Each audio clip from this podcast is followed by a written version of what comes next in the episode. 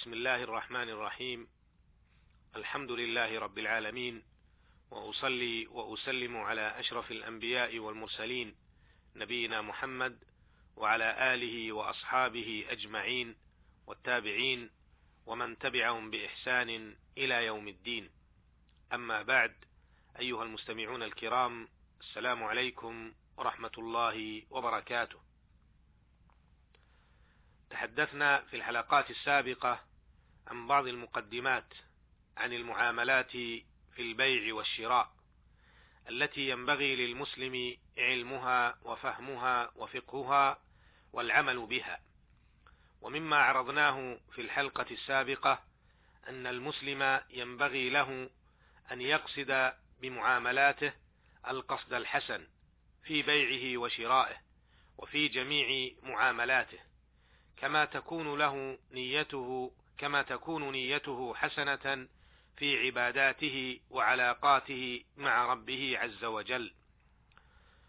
يقول رسول الله صلى الله عليه وسلم فيما رواه البخاري وغيره عن عمر بن الخطاب رضي الله عنه إنما الأعمال بالنيات وإنما لكل امرئ ما نوى فمن كانت هجرته إلى الله ورسوله فهجرته إلى الله ورسوله.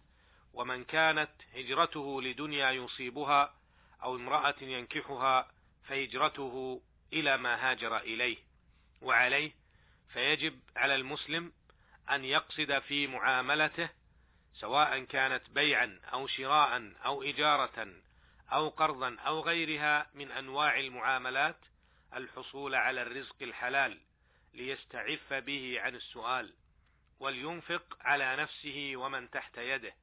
ولينفع غيره من إخوانه المسلمين. كما يقصد في الحصول على المال القيام بكفايته وكفاية من يمونه وأن يتقوى به على طاعة الله تعالى وعبادته وطلب رضاه. كما يقصد أيضا أن يحصن نفسه به عن الوقوع في المحرمات والمكروهات مجتنبا كل ما يسخط الله تعالى ويغضبه. ومما عرفناه أيضا أنه على المسلم وهو يمارس معاملاته من بيع وإجارة وشراكة وغيرها أن يراقب الله تعالى في جميع معاملاته التجارية وذلك بأن يجعل الله تعالى نصب عينيه فإذا ما قام بذلك سلم سلمت معاملاته من كل شبهة محرمة أو مكروهة. يقول سبحانه وتعالى فمن يعمل مثقال ذرة خيرا يره ومن يعمل مثقال ذرة شرا يره. وفي هذه الحلقة نواصل عرض بعض الضوابط التي ينبغي للمسلم أن ينضبط بها وهو يقوم بمعاملاته التجارية والمالية في الوقفات الآتية. الوقفة الأولى الوقفة السابعة. من أهم الضوابط التي ينبغي أن ينضبط بها الأمانة.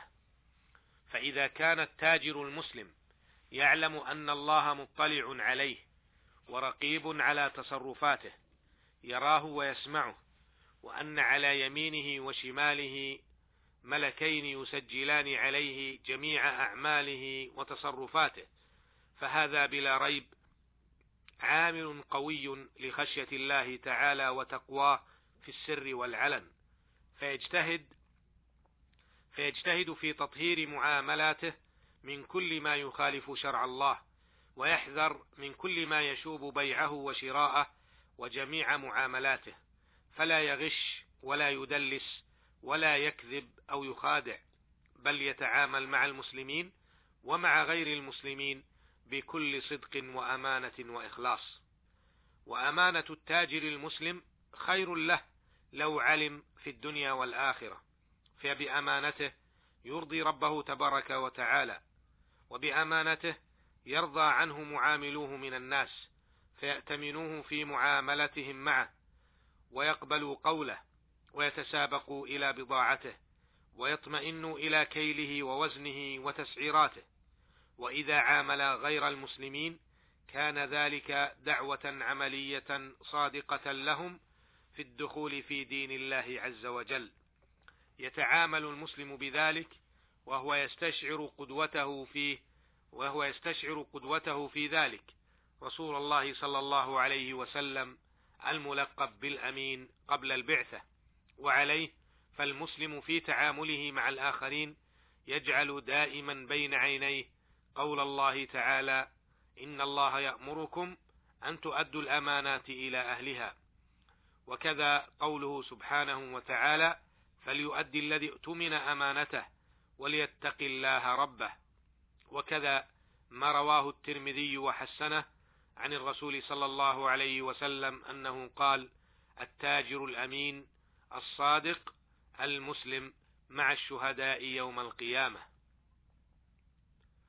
الوقفة الثامنة.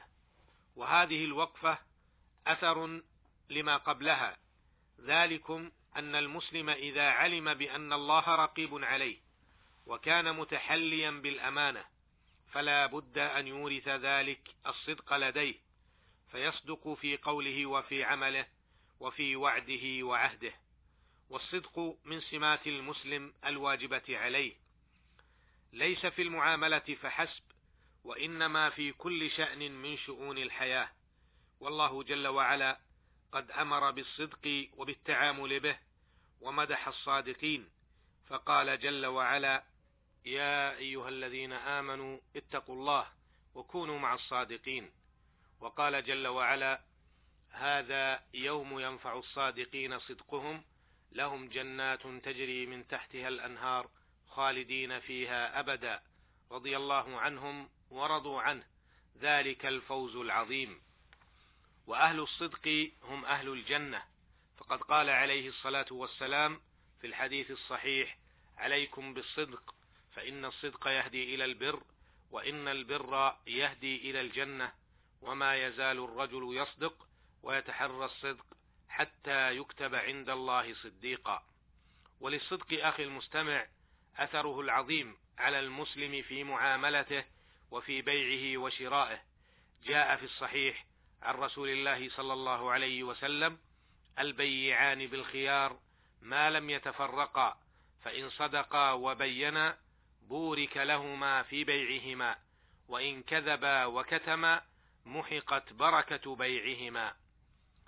وروى الترمذي بسند صححه عن رفاعة بن رافع قال خرجت مع رسول الله صلى الله عليه وسلم فرأى الناس يتبايعون فقال صلوات الله وسلامه عليه يا معشر التجار فاستجابوا ورفعوا أعناقهم وأبصارهم عليه فقال صلى الله عليه وسلم إن التجار يبعثون يوم القيامة فجارا إلا من اتقى الله وصدق. وروى الإمام أحمد رحمه الله في مسنده من حديث عبد الرحمن بن شبل أن النبي صلى الله عليه وسلم قال إن التجار هم الفجار. قالوا يا رسول الله أليس قد أحل الله البيع؟ قال بلى ولكنهم يحلفون فيأثمون ويحدثون فيكذبون. صححه الحاكم وجود المنذري إسناده. وفي حديث قيس بن أبي غرزة رضي الله عنه فيما رواه أبو داود والترمذي وغيرهما بسند صحيح قال كنا في عهد رسول الله صلى الله عليه وسلم نسمى قبل أن نهاجر السماسرة فمر بنا يوما بالمدينة فسمانا باسم هو أحسن منه فقال يا معشر التجار إن البيع يحضره اللغو والحلف وفي رواية الحلف والكذب وفي أخرى اللغو والكذب فشوبوه بالصدقة. أيها المستمع الكريم إن المسلم لا يكذب ولا يتعامل بالكذب وسمته دائما الصدق في قوله وعمله وفي بيعه وشرائه فالصادق مؤتمن ومبارك له في سلعته وفيما باعه واشتراه مرضي عنه عند الله تعالى وموثوق في معاملته مع الناس. أسأل الله تعالى أن يجعلنا من الصادقين في أقوالنا وأعمالنا وفي اعتقاداتنا وسلوكنا وتصرفاتنا وأن يحشرنا مع النبيين والصديقين والشهداء والصالحين. وحسن أولئك رفيقا إنه سميع مجيب وهو المستعان. وإلى اللقاء في الحلقة القادمة إن شاء الله. والسلام عليكم ورحمة الله وبركاته.